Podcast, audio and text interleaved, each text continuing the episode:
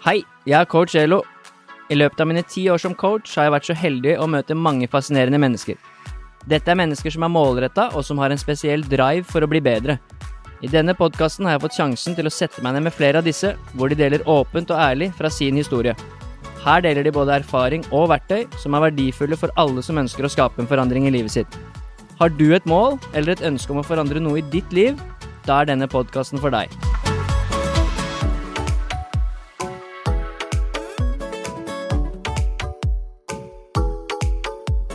I dagens episode så har jeg valgt å spille inn en liten intro nå i ettertid. Eh, og det er på grunn av at eh, denne episoden er eh, veldig spesiell.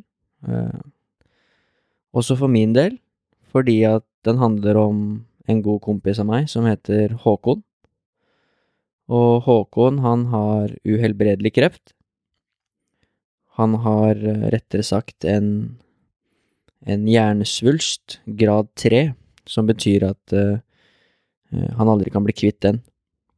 Den beskjeden fikk han i 2018, og på den tiden så, så var vi veldig mye sammen, Håkon og jeg. Han, uh, han var naboen min, uh, fast treningspartner og medlem på Vipers Akademiet hvor jeg jobbet, og han var også barnepasser for hunden min Nala rett så ofte, egentlig, og selvfølgelig også en fast partner i 21, som vi spilte veldig mye på basketbanen på Bystranda i Kristiansand. Så Håkon har jeg kjent siden 2016, og han har vært en god kompis siden den gang. Selv om vi nå ikke ses like ofte fordi at jeg har flyttet til Østlandet, så, så er han en, en lojal venn og en som du vet at du alltid kan sende en melding til hvis det er noe du har på hjertet, og du vet at han alltid stiller opp og lytter til det du har å si. Jeg ville lage en ekstra intro til Håkon fordi eh, jeg synes at denne episoden, den, den bærer litt grann preg av at jeg intervjuer Håkon eh, underveis. Og det er jo egentlig det jeg gjør, men eh, for meg så, så virker det lite grann som om jeg på en måte er litt grann kald i den episoden, og det, det er uh, rett og slett fordi jeg syns at uh, det var en veldig vanskelig episode å spille inn, og jeg tror det var eneste måten for at vi skulle få det til, uh, å gjøre det på den måten, hvor han på en måte blir et sånt intervjuobjekt mer enn en god kompis når vi har samtalen. men jeg håper likevel at folk får mye ut av episoden, og det er jeg helt sikker på at de får. Håkon han er en eh, fantastisk kar som, som har valgt å være åpen med sykdommen sin, eller å være åpen om sykdommen sin, og han lever livet sitt som normalt og er bare et fantastisk forbilde for alle andre som er der ute. Han, han klager aldri på situasjonen han er i, og han har aldri lagt seg ned for å uh, gi opp. Han, han har fortsatt med å leve livet sitt eh, til det ytterste, og så godt som han kan. Og i tillegg så har han beholdt den egenskapen med å, å være seg selv og eh, fortsatt ta vare på alle de som han har rundt seg, da. Han har en, han har en spesiell egenskap som jeg vet at uh, alle menneskene som kjenner Håkon, setter stor pris på. Og en liten uh, en liten uh, morsom historie eller eh, kanskje ikke så veldig morsom. Men eh, i 2018 så hadde vi et eh, seminar på Vipers Academy, og det nevner vi så vidt da, i episoden. Og jeg utfordret Håkon til å, til å ha et foredrag da, hvor han skulle fortelle om sykdommen sin da, og, og situasjonen som han var i. Og da var det faktisk eh, ganske mange medlemmer og andre på det seminaret som ikke visste hvem Håkon var, og som ikke visste at han faktisk var syk. For da hadde han fortsatt ikke fortalt det sånn helt åpent, da. Og det, det var eh, et fantastisk foredrag eh, hvor han hvor han har en fantastisk bra formidlingsevne og forteller historien sin åpent og ærlig, og det ble, det ble en preget gjeng som satt og hørte på. Det var vel kanskje en 30 stykker som var på det seminaret. Og for de som husker det seminaret, av dere som eventuelt lytter, som var med på det, for der hadde det både kolleger, venner, medlemmer, eh, andre PT-er og, og også andre mennesker som hadde meldt seg på, da, som ikke nødvendigvis kjente fra før.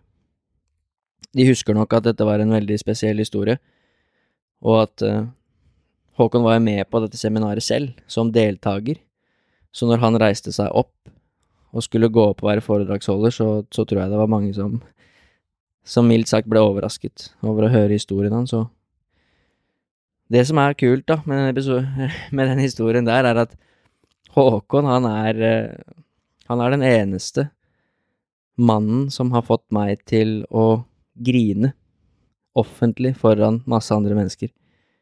Eh, og da, da, snakker vi ikke om sånn å felle noen tårer, men da snakker vi om å eh, fullstendig knekke sammen. Og det tror at de, som sagt, de som var med på det seminaret, de husker nok den sekvensen, eller den scenen, ganske godt.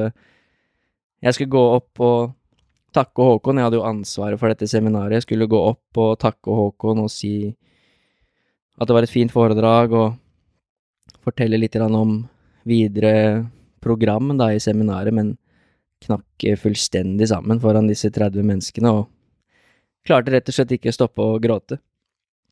For det ble Det ble ganske tøft. Jeg hadde ikke Jeg hadde ikke tatt det inn over meg, og jeg hadde heller ikke hørt alle detaljene i alt det som Håkon hadde vært gjennom, da, mentalt, og alle disse tøffe behandlingene, og hvordan det faktisk var, da, å sitte på sykehuset der aleine og få den beskjeden om at han hadde uhelbredelig kreft, og jeg endte vel faktisk med at uh, hun jeg var sammen med på den tida, Jeanette, måtte holde rundt meg foran alle disse menneskene og uh, si at vi måtte ta en pause. Uh, så takk for det, Håkon, for at du klarte å få fram den siden av meg også. Det, det, er jo noe man der og da på en måte blir litt sånn flau over, samtidig som jeg ganske raskt egentlig bare syns det var fint. For det viser jo bare at vi bryr oss om deg, og det tror jeg det er mange som gjør, eller det vet jeg at det er mange som gjør, og det er så mange mennesker som setter pris på den du er, og måten du takler hele situasjonen på, og det som du går gjennom. Så jeg ville bare lage en liten ekstra intro, og håper at dere skrur opp volumet og lytter til historien til Håkon, for den er spesiell, og han er spesiell, og Tusen takk for at du valgte å stille opp, Håkon. Det setter jeg stor pris på. Da er det bare for meg å ønske velkommen til deg, Håkon. Takk for det. Det er nesten meg som skal ønske velkommen. Vi er jo i min leilighet. Det er helt riktig. Vi befinner oss i Kristiansand, i din leilighet, som er eh, samme bygget som jeg har bodd i i tre år. Det er jo også her vi ble kjent, i Kristiansand, for ca. fire år siden, og har vært gode venner siden den gang. Og jeg tenker jo at vi egentlig bare skal gå litt rett på sak og fortelle om hva denne episoden skal handle om. Og det er at du er en ung mann på 29 år som er syk. Eh, rettere sagt så vil det si at du har kreft, som du er nødt til å leve med resten av livet. Og hva vil egentlig det si? Ja, altså det vil si at den krefttypen som jeg har, den eh, er en kronisk sykdom. Det kan jeg aldri kalle meg kreftfri. Eh, jeg vil alltid ha den kreften i meg. Hvordan type kreft er det du har? Eh, det er en eh, hjernesvulst som heter oligodendrogliom. Så er det sånn med kreft at det kan være forskjellige grader. grad 1, grad 2, grad 3 og grad 4. Og det er på denne typen så kan den være grad 2 eller grad 3. Og da alt som er 1 og 2, det kan du bli frisk fra, og grad 3 og grad 4 kan du ikke bli frisk fra. Og da er dessverre min en eh, grad 3. Og da er det sikkert mange som lurer på sånn, sånn i hverdagen, da, eller i praksis, hva vil det si for deg at du har en grad 3 svulst på hjernen som du ikke vil bli kvitt? Hvordan påvirker det deg i hverdagen, e, eller påvirker det deg? Eh, vil det potensielt påvirke deg i framtiden, og hva er egentlig hva er egentlig liksom framtidsutsiktene for en sånn type kreft som du har? Det betyr jo eh, i utgangspunktet at livet blir litt kortere enn eh, jeg hadde tenkt at det skulle være. I hverdagen nå så eh, tror jeg ikke folk merker så veldig mye til det. Jeg tar ikke noe medisiner nå. Det er halvannet år siden jeg var ferdig med behandling. Og eh, nå går jeg egentlig bare å ta litt bilder for å se hvordan det ser ut der oppe. Det gjør jeg tre til fire ganger i året.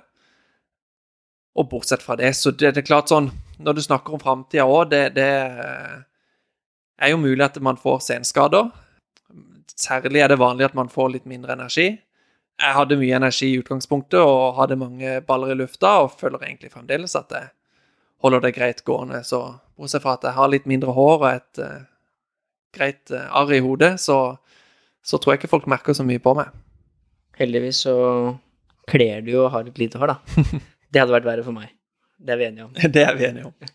Men uh, du sier jo at du kan få litt senskader og, og sånne type ting. Men at du har liksom ikke merka noe, eller akkurat nå så merker du ikke noe. Eh, men du må jo gå og sjekke deg hver tredje-fjerde måned, og liksom kanskje basert på de bildene, da. Så hva, hva hvis den har forandra seg, eller hva på en måte Må du gå på medisiner da? Må du tilbake inn på cellegift, eller? Ja, hvis vi går der og oppdager at han uh, har vokst eller har beveget på seg eller et eller annet sånn, så har man alle mulighetene på nytt. Både cellegift og stråling, og operasjon kan man også gjøre på nytt. Så det er det jeg går og sjekker. Og det kommer jo litt tilbake til. Du har jo vært gjennom en ganske tøff behandling og operasjon. Mm. Stråling og cellegift. Eh, det skal du prate om litt senere, hvordan det var å gå gjennom det, og, og hva du gikk gjennom. Men for å komme dit, så må vi litt tilbake i tid først. Eller vi har bestemt oss for å gå litt tilbake i tid. For å fortelle litt om Egentlig fra da du kanskje først oppdaga litt symptomer. I hvert fall i ettertid så, så, kan det hende at det har vært symptomer på det. Og så fram til i dag, da.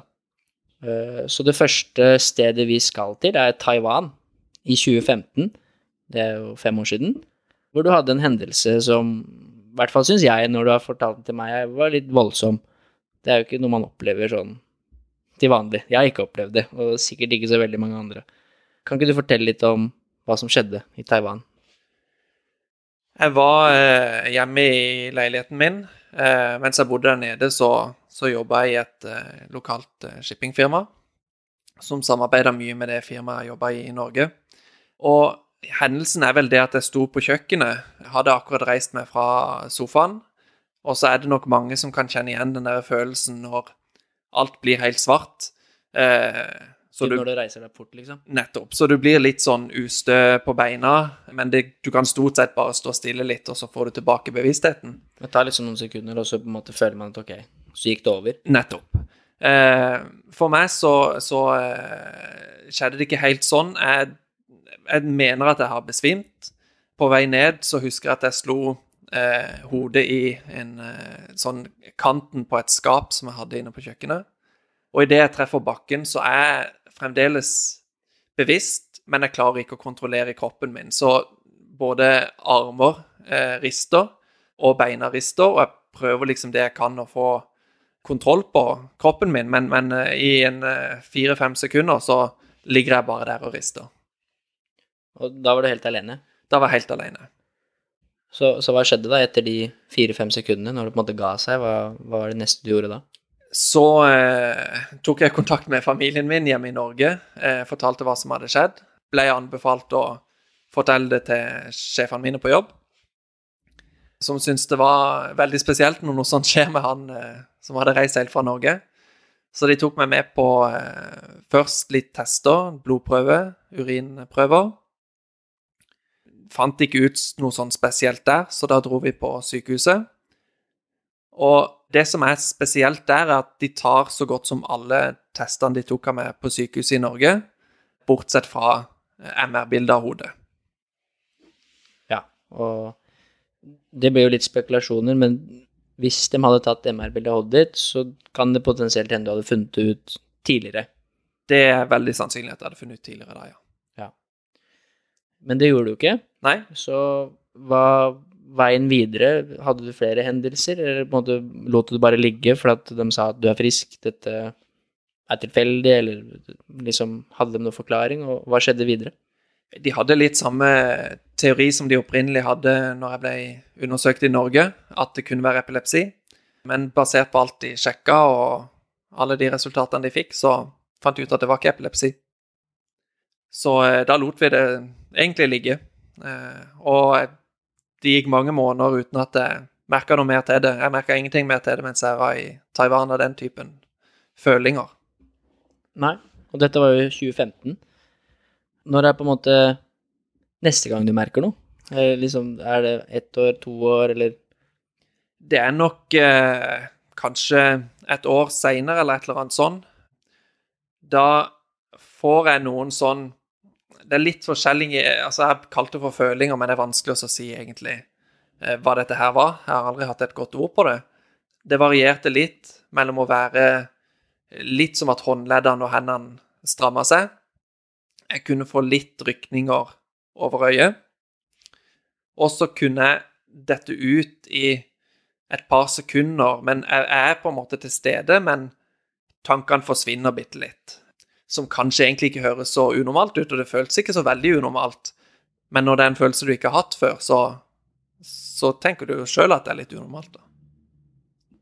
Ja, ok. Eh, du sier at du hadde litt rykninger over øyet, eh, litt håndledd som stramma seg, og eh, ja, egentlig litt sånn følelser som du ikke helt klarer å beskrive, men samtidig som var litt sånn merkelig at du fikk. På det tidspunktet der, dette var jo tidlig i 2017, var det det? Mm. På det tidspunktet, gjorde du noe mer med det da? Gikk du til legen igjen for å sjekke deg på nytt, eller på en måte hva Lot du det bare ligge? Jeg lot det jo ligge, fordi at for meg så var dette helt normalt. Litt annerledes for meg, men samtidig Hva, hva skal man liksom uh, utredes for, da, på en måte, ikke sant? Uh, det er sånne småting som man føler kan ikke være noe sykdom. Nei, så da Da lot du det egentlig bare ligge, og så fortsatte du å leve som normalt og, og tenkte ikke noe mer på det? Ja, det gikk vel egentlig hele 2017, tror jeg, før, eh, før jeg gjorde noe mer av det. Ja.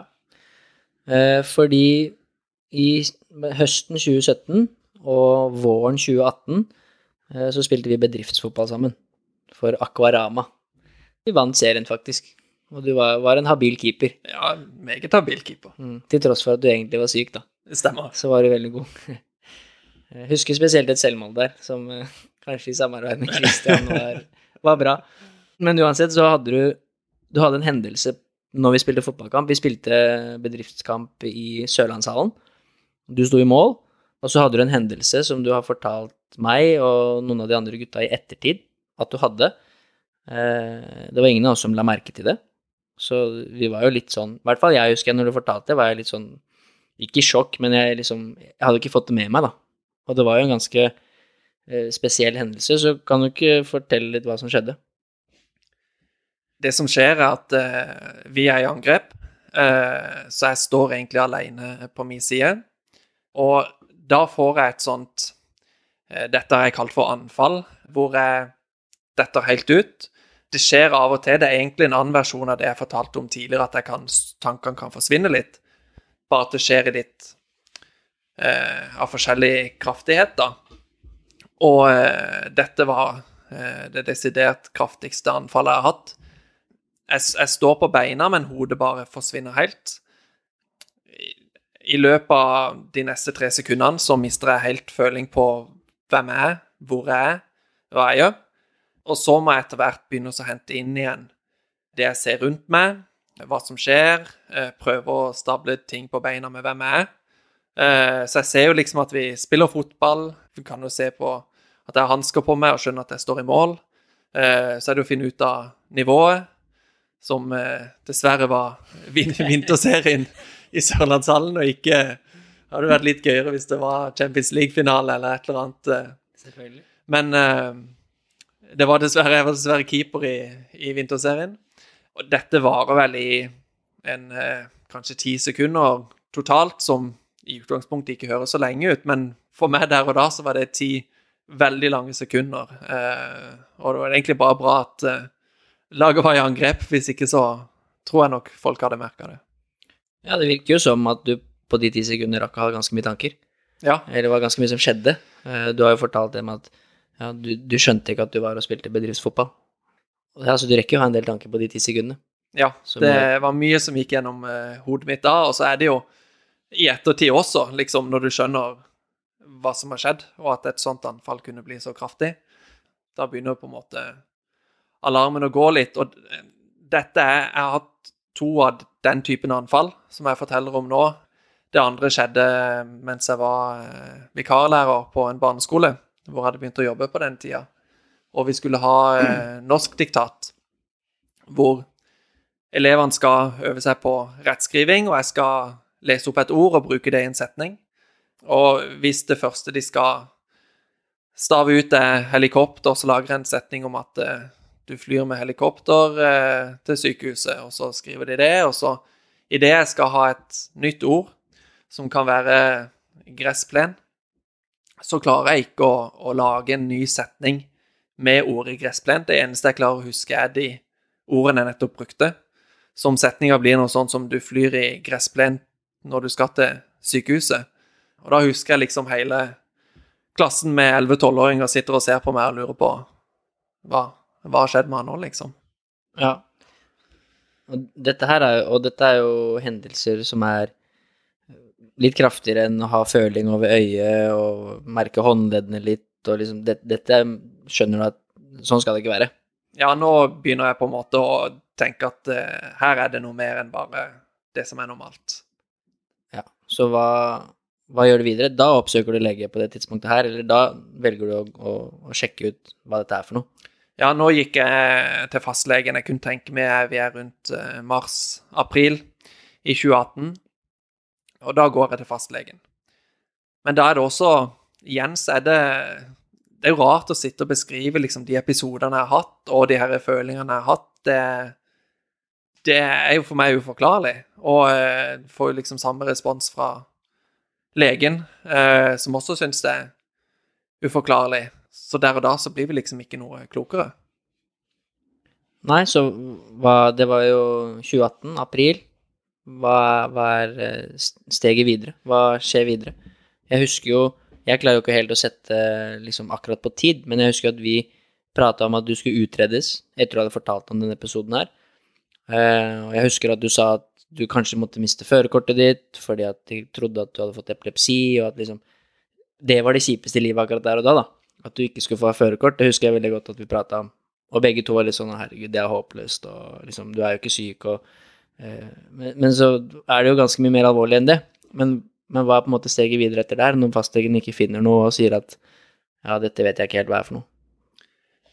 Fastlegen min eh, henviser meg til nevrologisk avdeling på sykehuset. Og første dagen jeg er der, så skjer jo det som du sier, at jeg har jo kjørt bilen opp. Og eh, får beskjed om at den må jeg bare la stå når jeg er ferdig med den timen på sykehuset. Og det som du sier, for meg så er det Jeg jobber på barneskolen nå 20-25 minutter unna der jeg bor, med bil.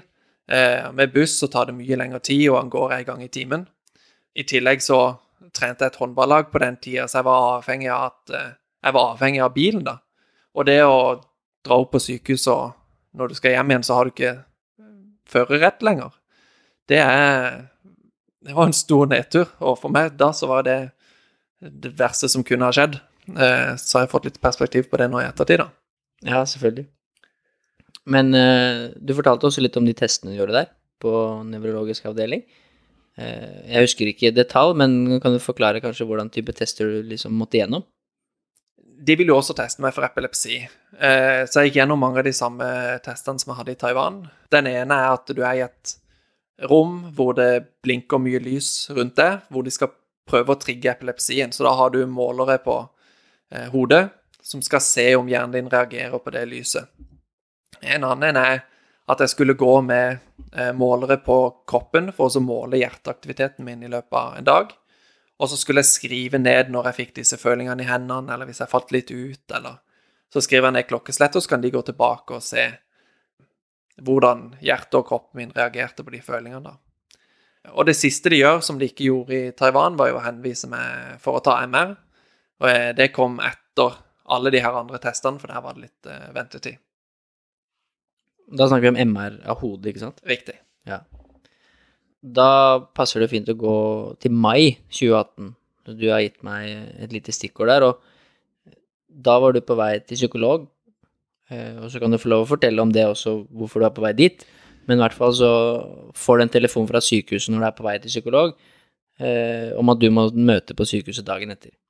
Jeg sier ikke hva det er, men at man skjønner jo kanskje at det er noe viktig, da, siden du må komme dit dagen etter. Ja, da eh, For å si litt kort om at jeg gikk til, til psykolog det, det, begynte egentlig eh, ja, rundt halvannet år eh, før meg. Det var tidlig i 2017.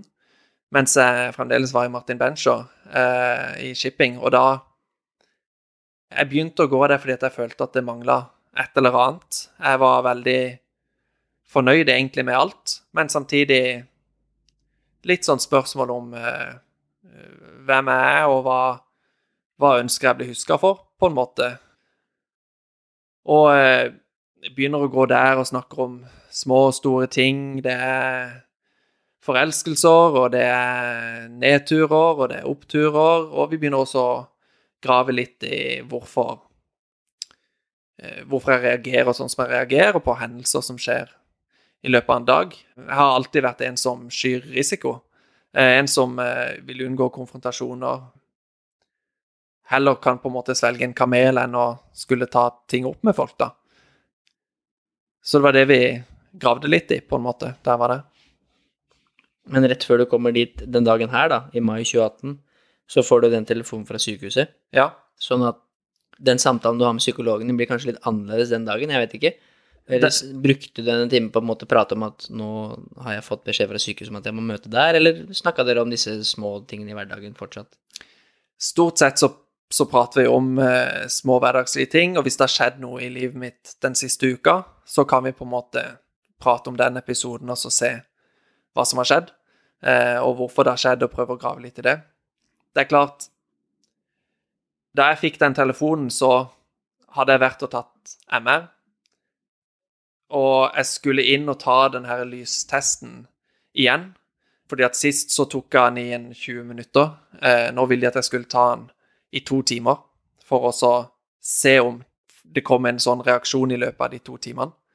Så det jeg sier til de på telefonen De ringer meg mens jeg er ute i gata her på vei opp til, til psykologen, og da eh, sier jeg at ja, jeg skal opp og ha den testen. Jeg kan bare droppe innom avdelingen etterpå det.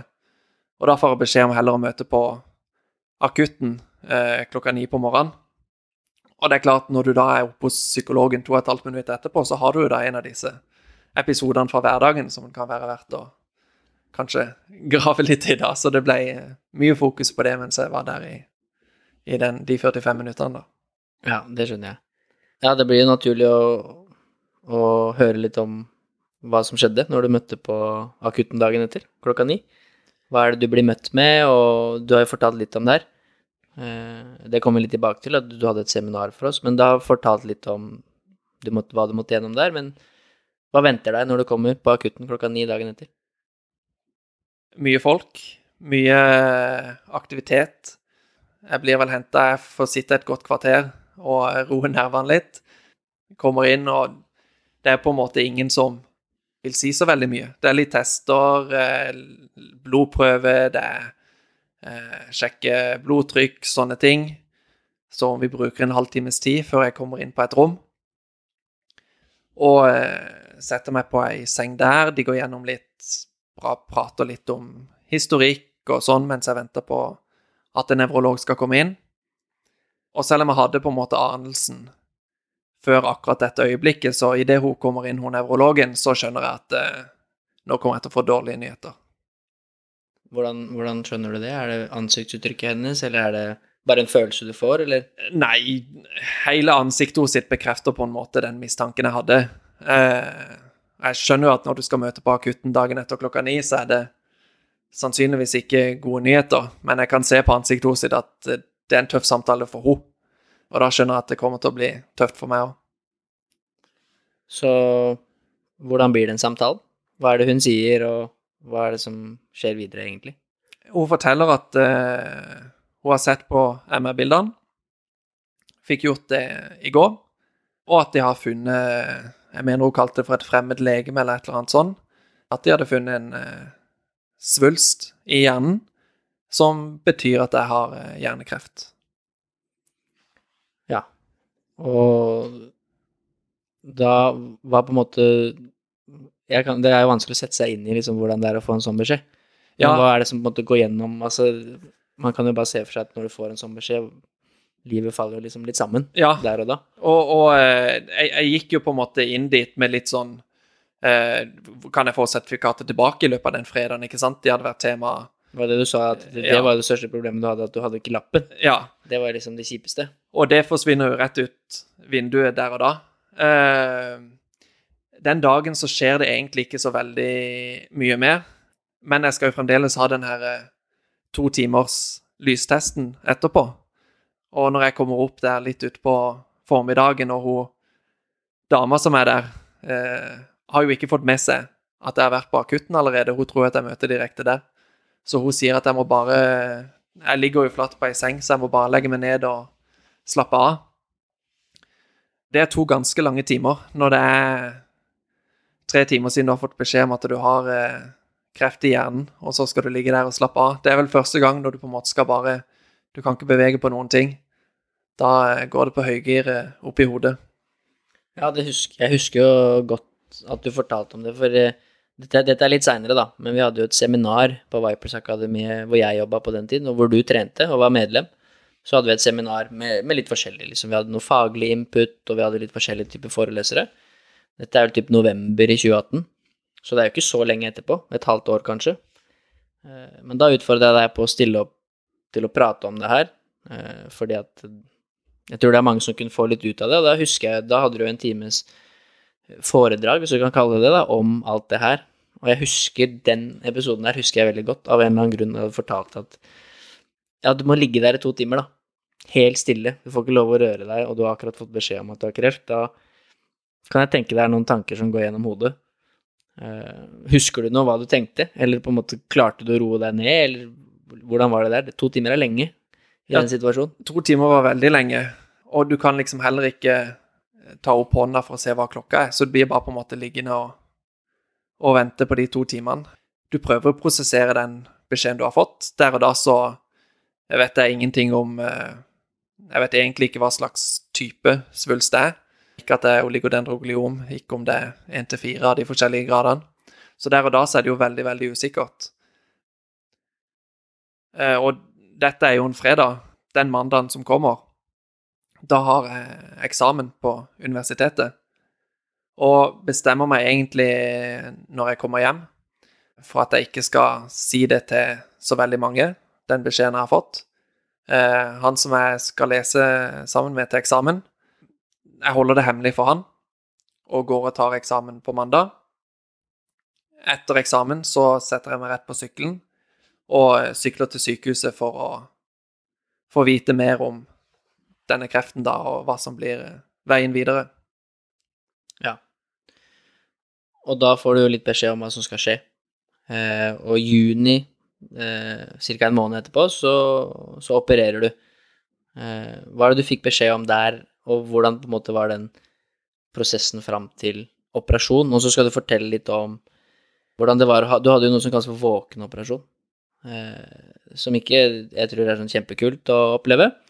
Eh, Fortell litt om hvordan det var, men hvordan var den prosessen først fra du sykler til sykehuset, du skal få litt mer videre beskjed om hva dette er for noe?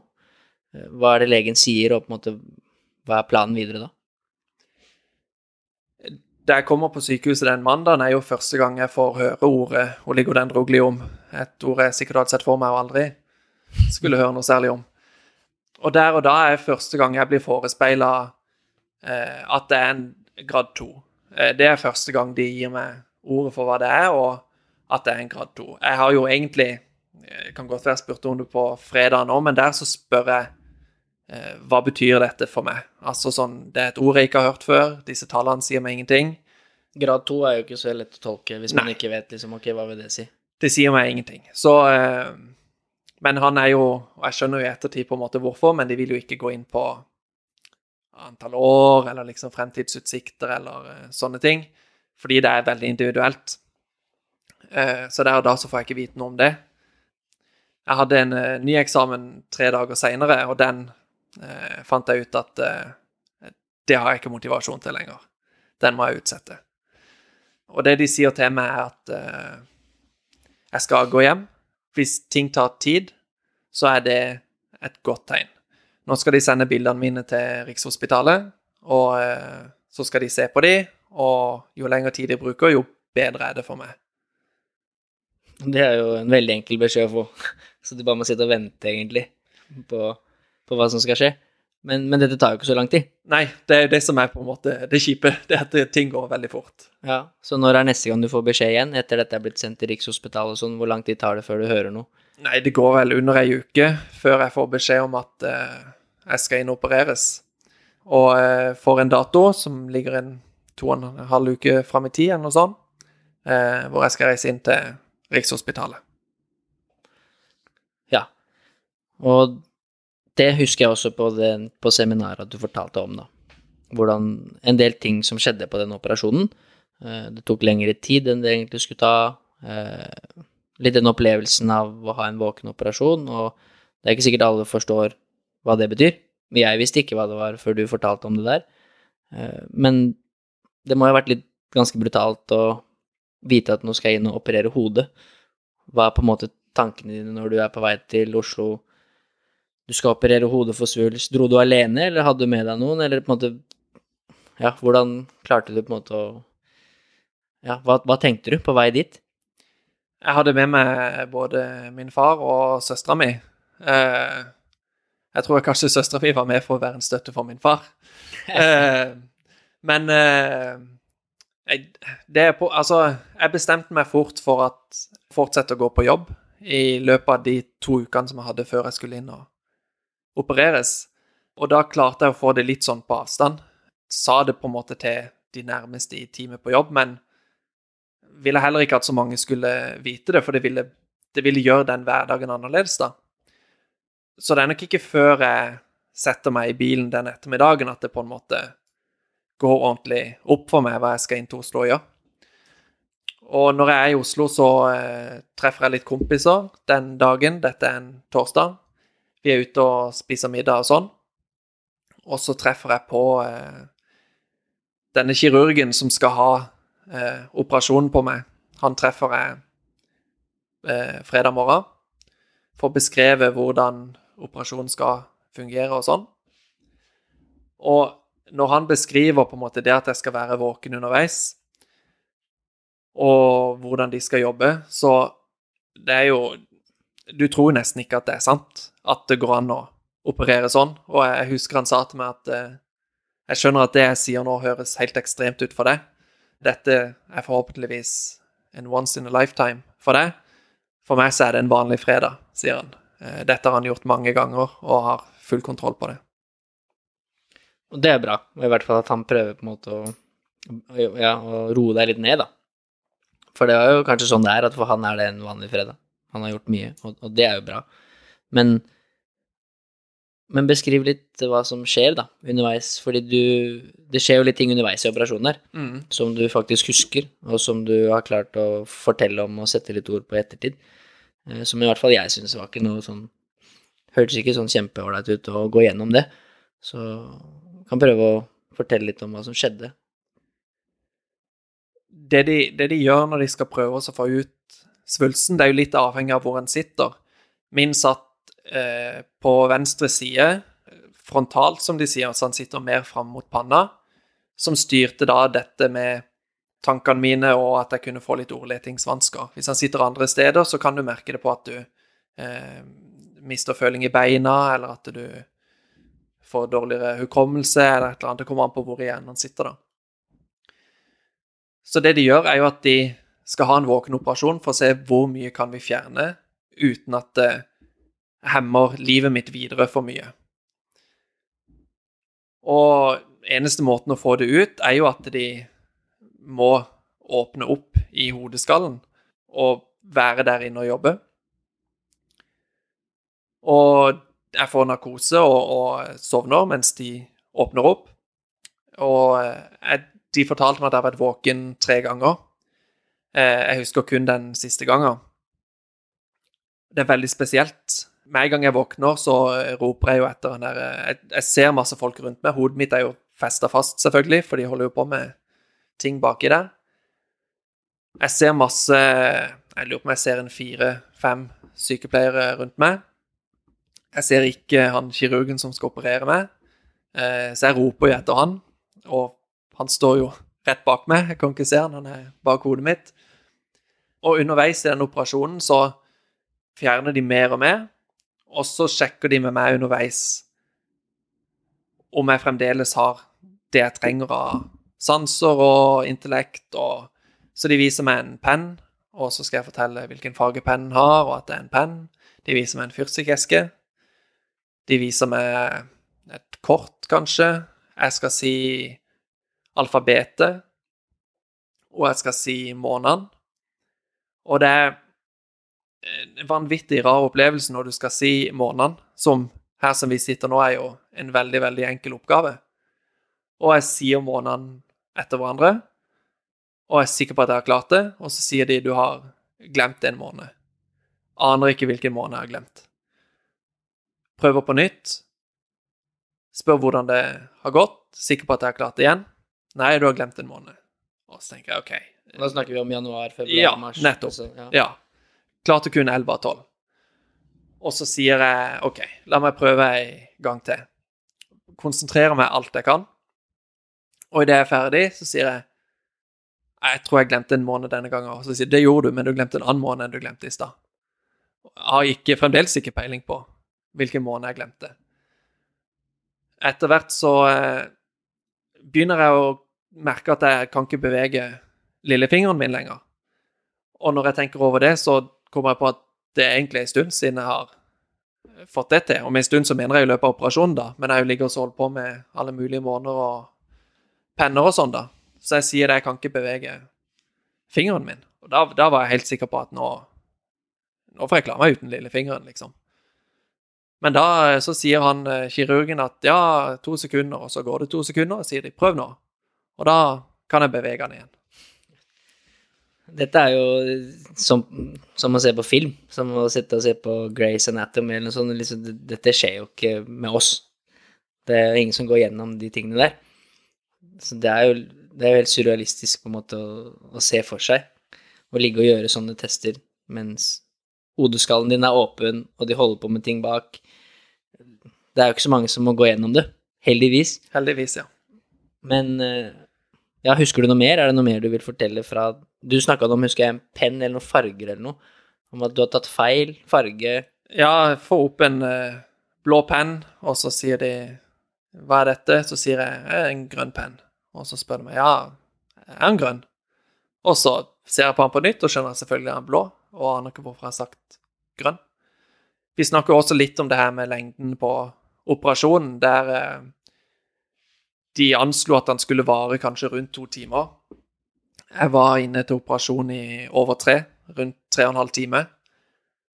Og eh, uten at de kan på en måte forklare nøyaktig hvorfor, men de sier at det kan veldig fint ha en sammenheng med at eh, jeg var i god fysisk form og hadde trent godt før operasjonen i lang tid, da, men også hatt fokus på det før operasjonen. Så selv der, da, på, på en måte hjernekreft og svulst, så, så kan det være positivt at man, at man er i god fysisk form, da. At det, det kan være lurt å tenke på uansett. Ja, og det, det er noe som egentlig jeg føler har vært en fordel også når jeg har vært gjennom eh, behandling etterpå. Eh, både stråling og cellegift. Og da har jeg fått på en måte tilbakemelding på at jeg har klart meg overraskende bra. Hatt lite effekt av det. Lite bieffekter, i alle fall.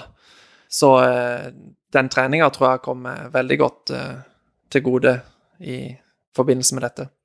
For det kan jo være verdt å nevne at, eh, at du når, du når du får beskjed om det her, da, at du er syk, og at du har kreft, så er du jo ung.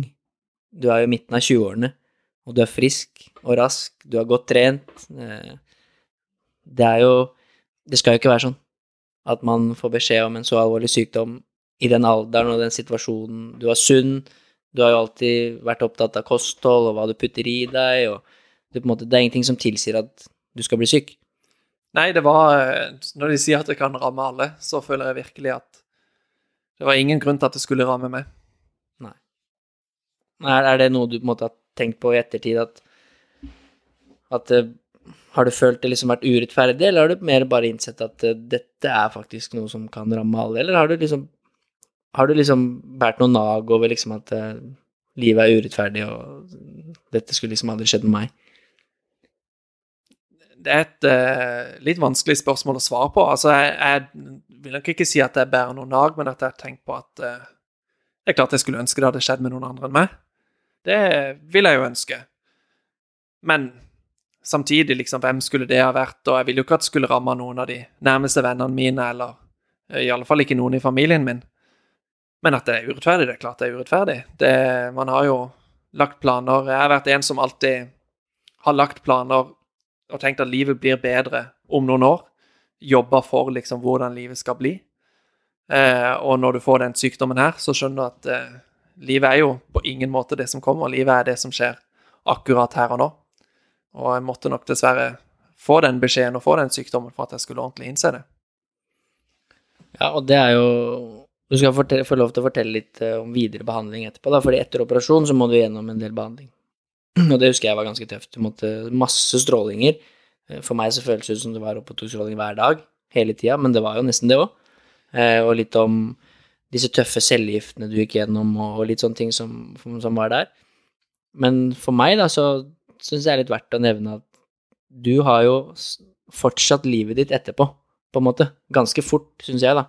Du fortsatte å studere, du fortsatte å jobbe, du fortsatte å være sosial, du fortsatte å gå og trene, du begynte å spille håndball igjen, og du på en måte virker ikke som du liksom Du har ikke satt deg i leiligheten og tenkt at nå er det over, liksom.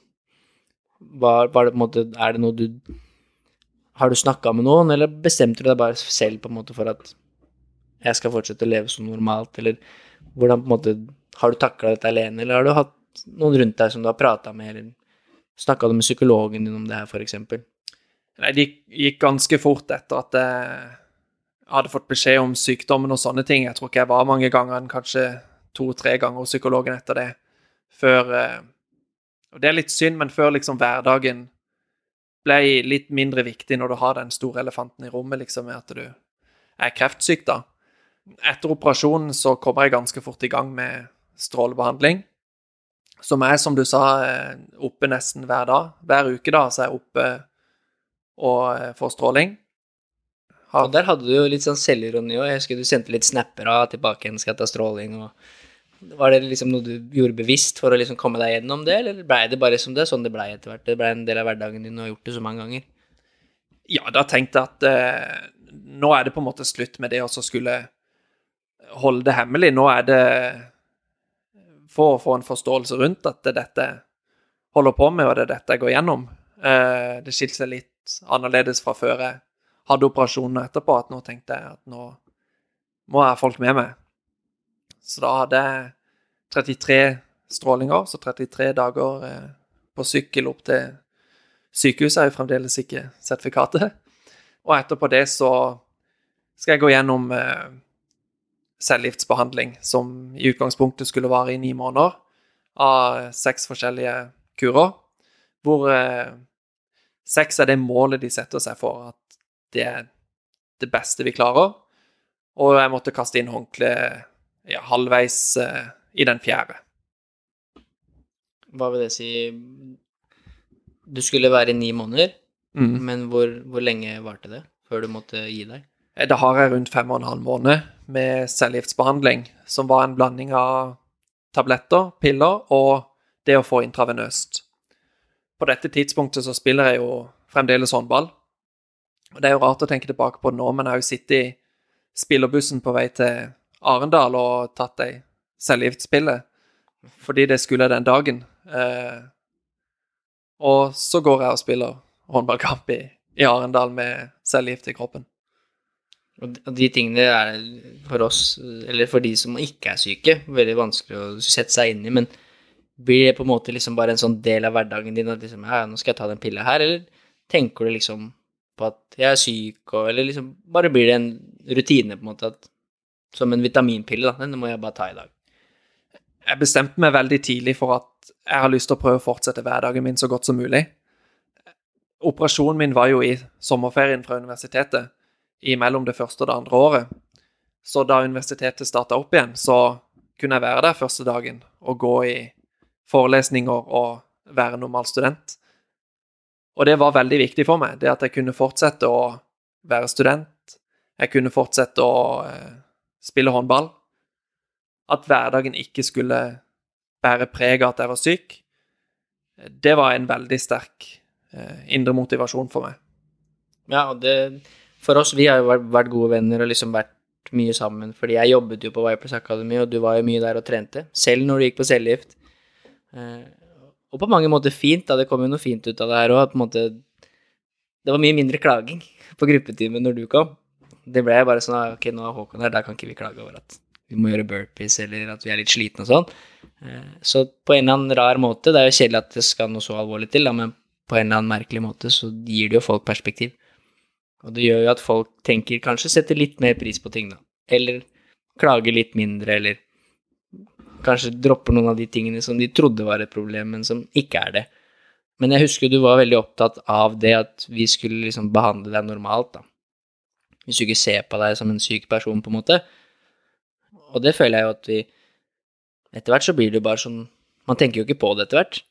Man tenker jo bare at du har Håkon, og du kommer for å trene, og man tenker jo ikke på at du er syk etter hvert. Og det er jo litt sånn kledd til deg, da.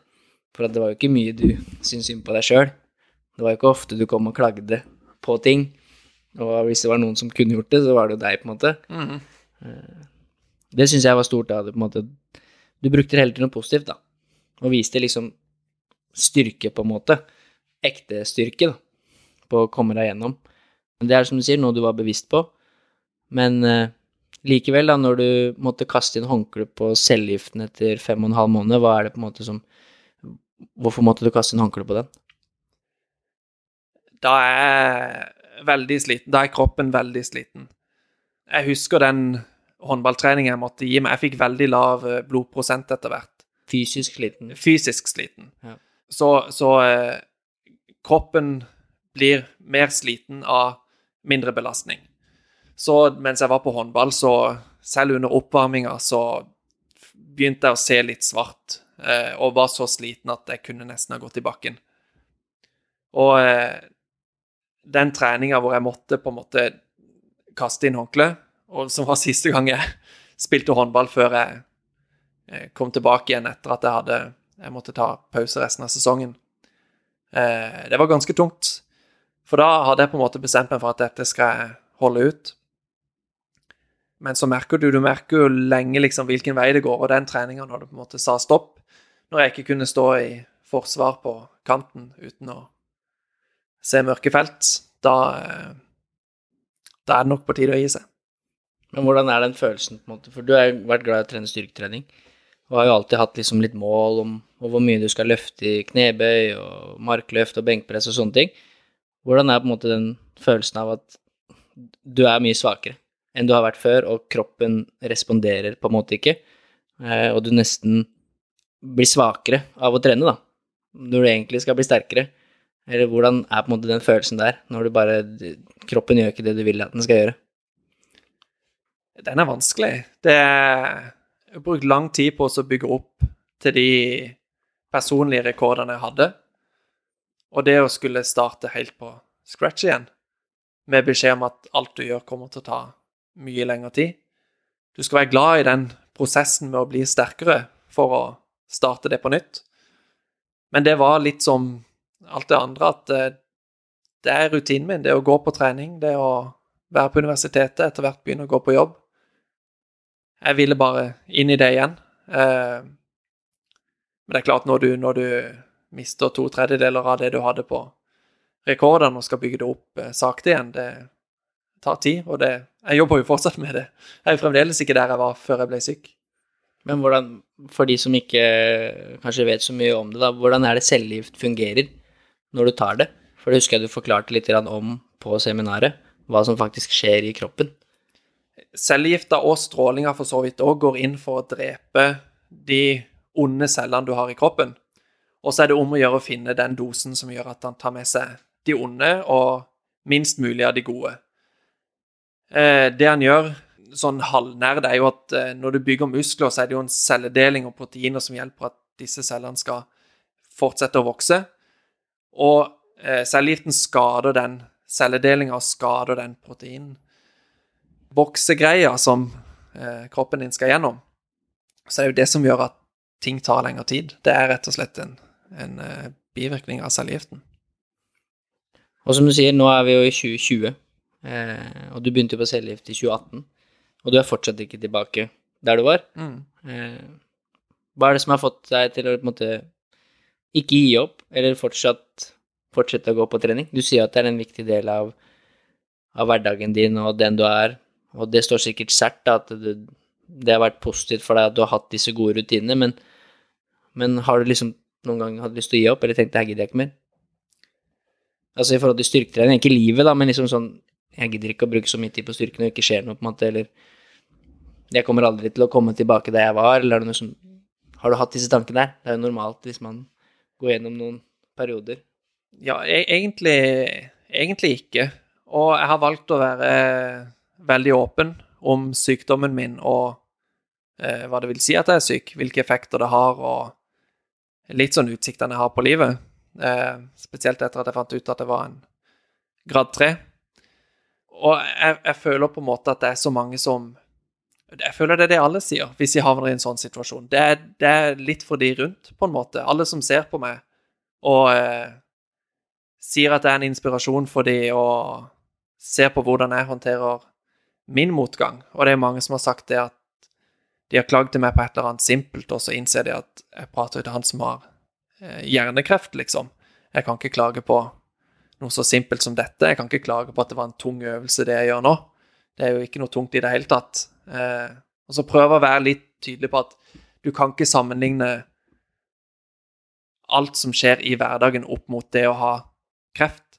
Da kan jo jeg òg sammenligne med folk som har det enda verre enn meg. Så man kan på en måte ikke alltid sammenligne med det aller, aller verste scenarioet. Du må Det som er kjipt for deg, det er kjipt for deg. Samme hvor stort det er. Om du har blitt våt i skoen på vei hjem fra jobb og må bytte sokker når du kommer hjem. Det kan være ganske kjedelig. Jeg kan òg ha sånne dager hvor jeg på en måte feller. Nå er jeg jo blaut. Altså, har du fortsatt de tankene, liksom? Ja. Nå snakker vi litt om menneskehjernen. Har du fortsatt det liksom Å, faen, nå ble jeg våt igjen i skoa, liksom. Har du Ja, fortsatt de tankene, ja. eller tenker du ja, men jeg har hjernekreft, så dette er ikke noe problem? Våte jeans hvis jeg er ute og sykler, ikke sant, og skal du sette deg ned på jobb. Sånne ting er jo kjedelig for meg òg. Eh, Så du har fortsatt de tankene? De er på en måte fortsatt der i menneskehjernen? ja, ma masse hverdagslige problemer som ikke forsvinner bare fordi at eh, jeg har litt kreft. Men har du blitt noe mer sensitiv på mennesker rundt deg i forhold til klaging? I forhold, har du liksom noen gang satt noen på plass? At liksom mm, Dette er strengt tatt ikke et problem, kanskje Eller på en måte bare godtar du at ja, det er kjipt for deg og at du regner ut i dag, liksom. Du skal få lov å klage på det. Jeg er litt tydelig på at folk skal få lov til å klage på det de vil. Og så tror jeg at folk er mer oppmerksom på det enn jeg er oppmerksom på det. At de innser sjøl Og det er, egentlig, altså det er jo en god effekt. Det er jo litt sånn jeg håper det skal være. Du er mer opptatt av å være et godt eksempel selv, istedenfor å bare påpeke at alle andre tullinger som klager på ting, så, så vil du heller være et godt eksempel og vise at du klager ikke, eh, og du gjør det beste ut av din situasjon, og så, og så kan du være en inspirasjon til andre på den måten, da. Jeg tror det er godt, godt beskrevet. Ja. Mm. Og det er sånn vi oppfatter deg, vi også, vi som på en måte er rundt deg. Derfor har det jo blitt en stor inspirasjon i livet til mange av oss som på en måte er i din omkrets. Så som jeg sier, på en eller annen måte så, så kommer det noe fint ut av det. Fordi man får perspektiv, og det er jo litt sånn vi mennesker funker, at det må skje noe liksom noe alvorlig eller noe stort eller det er et eller annet på en måte før man skal på en måte få litt perspektiv, da. Eller før man faktisk skal sette pris på et eller annet, så må du liksom gjennom noe sånt. Eh, Så for oss har det jo vært fint at, du har gått gjennom det på den måten du har gjort, og vist den styrken som du har vist. Så gir det på en måte oss mer styrke også. Men uh, nå har du jo fortalt om, om egentlig alt du har vært igjennom, og, og akkurat nå i dag, da, så, så er du jo frisk. Eller altså, du på en måte du lever som normalt, da. Selv om du har den. Hva er på en måte Hva er eh, framtidsplanene dine? Planlegger du på samme måte som om Du planlegger ikke som om du er syk? Nei, det er jo egentlig beskjeden jeg har fått. Det er at du må leve Du må leve livet eh, som om du bare har én dag igjen, men du må samtidig planlegge som om du skal bli steingammel. Og det var det legen som sa til meg, og det er Det skal jo ikke gjelde den, kun den som har kreft. Sånn skal det være for absolutt alle. Og det er mye lettere sagt enn gjort. Det er det det er. Du skal leve hver dag som om det er den siste. Det, det, det tror jeg det er mange som går i fella og ikke gjør det. Eh, en del.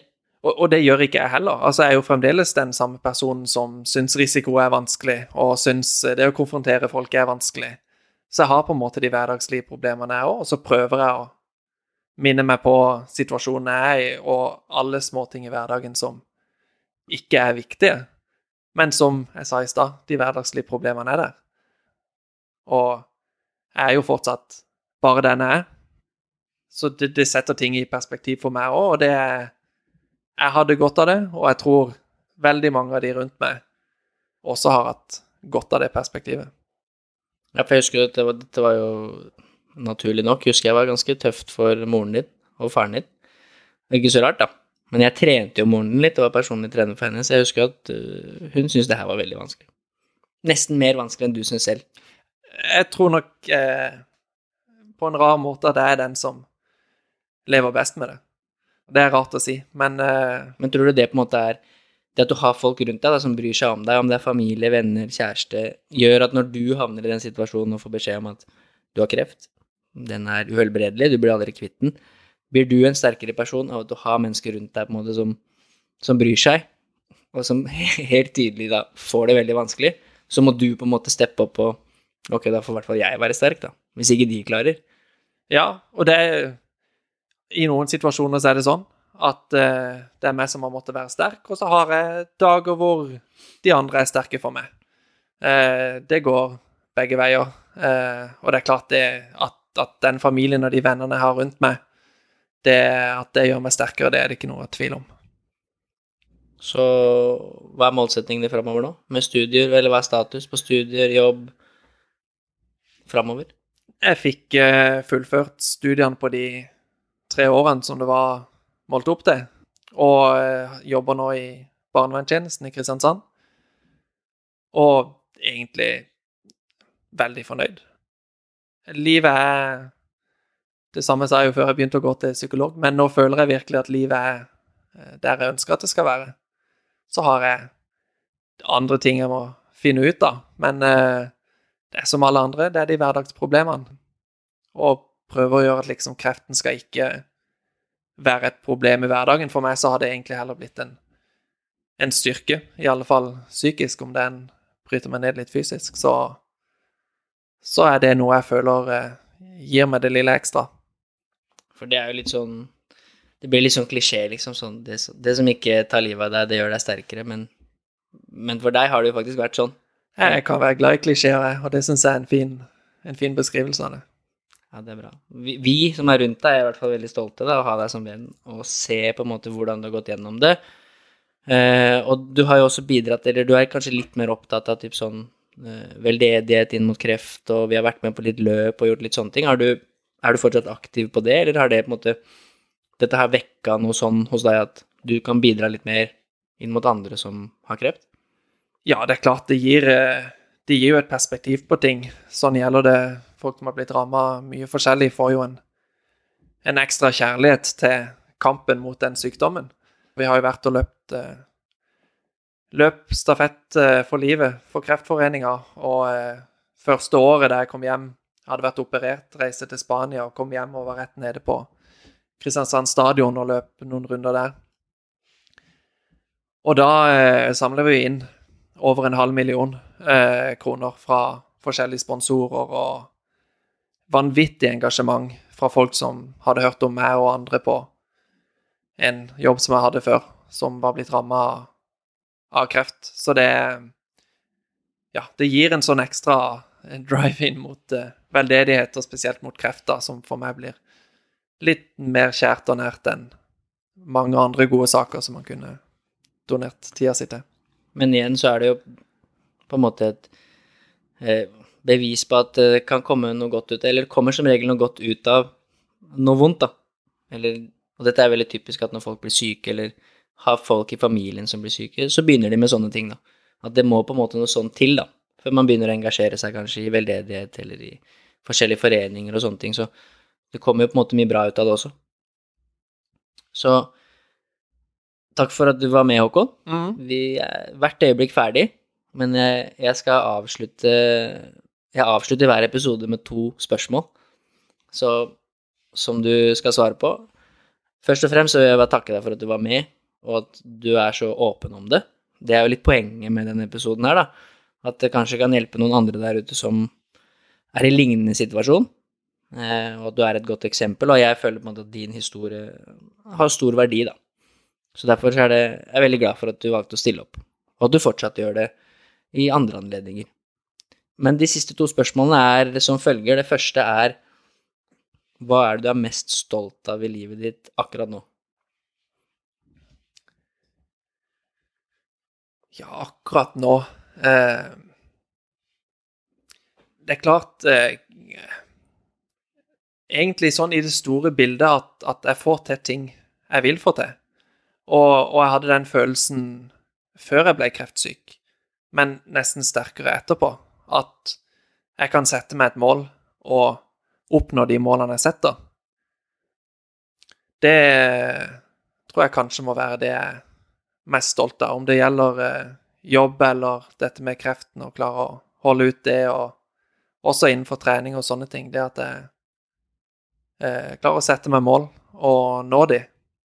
Det tror jeg er svar på det spørsmålet. Så generelt sett, det er fortsatt viktig for deg å sette deg mål, uansett på en måte om det er skole eller jobb eller, eller trening, så er, så er, det en viktig del av livet for deg. Eh, det tenker jeg bør være et viktig del av livet for alle. Det å sette seg et mål og jobbe mot det, det gir i hvert fall meg en ekstra drive i hverdagen. Bra. Kjempebra. Og det siste spørsmålet er litt rart. Jeg skal stille deg et spørsmål, men så skal du lage et spørsmål. Så det er som følger Hvilket spørsmål, eller hva, er det du mener at vi mennesker burde spørre hverandre om oftere? Eller hvilket spørsmål bør vi stille til hverandre oftere? Jeg tror kanskje Nå er jeg sikkert litt farga over at det, det var verdensdagen for uh, psykisk helse i går, men det å For det er jo denne hashtagen 'spør'. Nettopp. Uh, og det er å i større grad eh, spørre hverandre hvordan man har det. Og jeg har et håp om at vi mennesker skal bli litt tøffere til å svare hvordan vi faktisk har det. Det å få noen på et sånt enkelt spørsmål til å innrømme at de har det vondt, eller innrømme at de har det vanskelig, det skjer veldig sjelden. Og de gangene det skjer, så har du sannsynligvis ikke tid til å høre hvorfor det er vanskelig. Det er jo, ofte så spør man jo eksempel ja, hvordan går det, og så nei, det går bra. Ja. Eller det er greit. Det er sjelden man utdyper det noe mer. Ja, og hvis du hører at noen svarer litt sånn negativt på det, så prøver jo de fleste også å komme seg opp på et annet tema og, og gå videre. Så det er det som er litt, litt poenget med det spørsmålet som jeg stilte deg, da, at hvilket spørsmål er det vi burde stille hverandre oftere? Er det noe som kan løse, løse opp i det her, eksempel? Eller som kan gjøre at man kommer litt dypere inn i hvordan folk har det? Eh, eller skal vi bare fortsette å spørre hverandre om hvordan har du det, og så sier folk greit, og så er vi ferdig med det, på en måte. Jeg har uh, hørt eksempler på at hvis du legger på et egentlig etterpå det, så blir spørsmålet noe ganske annet. Hvordan har du det egentlig? Uh, så det er kanskje svaret på spørsmålet ditt. Ja, det er bra. Det er ikke et, uh, det er ikke et dårlig forslag, det. Men uansett, takk for at du var med, Håkon, og ønsker deg selvfølgelig lykke til videre. Jeg veit at du, du kommer til å få til alt det du vil få til. Og så krysser vi fingrene for at det er noen der ute i samme situasjon som kanskje fikk litt inspirasjon nå, da. Til å sette seg litt mål, og, og i hvert fall ikke legge seg ned og gi opp. For det har ikke du gjort. Det har jeg ikke gjort, og det har jeg ikke planer om å gjøre heller. Takk skal du ha. Takk. Tusen takk for at du har satt av tid til å lytte. Det setter jeg stor pris på, og jeg håper at du sitter igjen med noe verdifullt. Hvis du ønsker mer inspirasjon til trening og helse, følg meg, coach Elo, på Instagram. Der kan du også stille meg spørsmål, samt komme med tilbakemeldinger til podkasten. Du finner lenken i episodebeskrivelsen.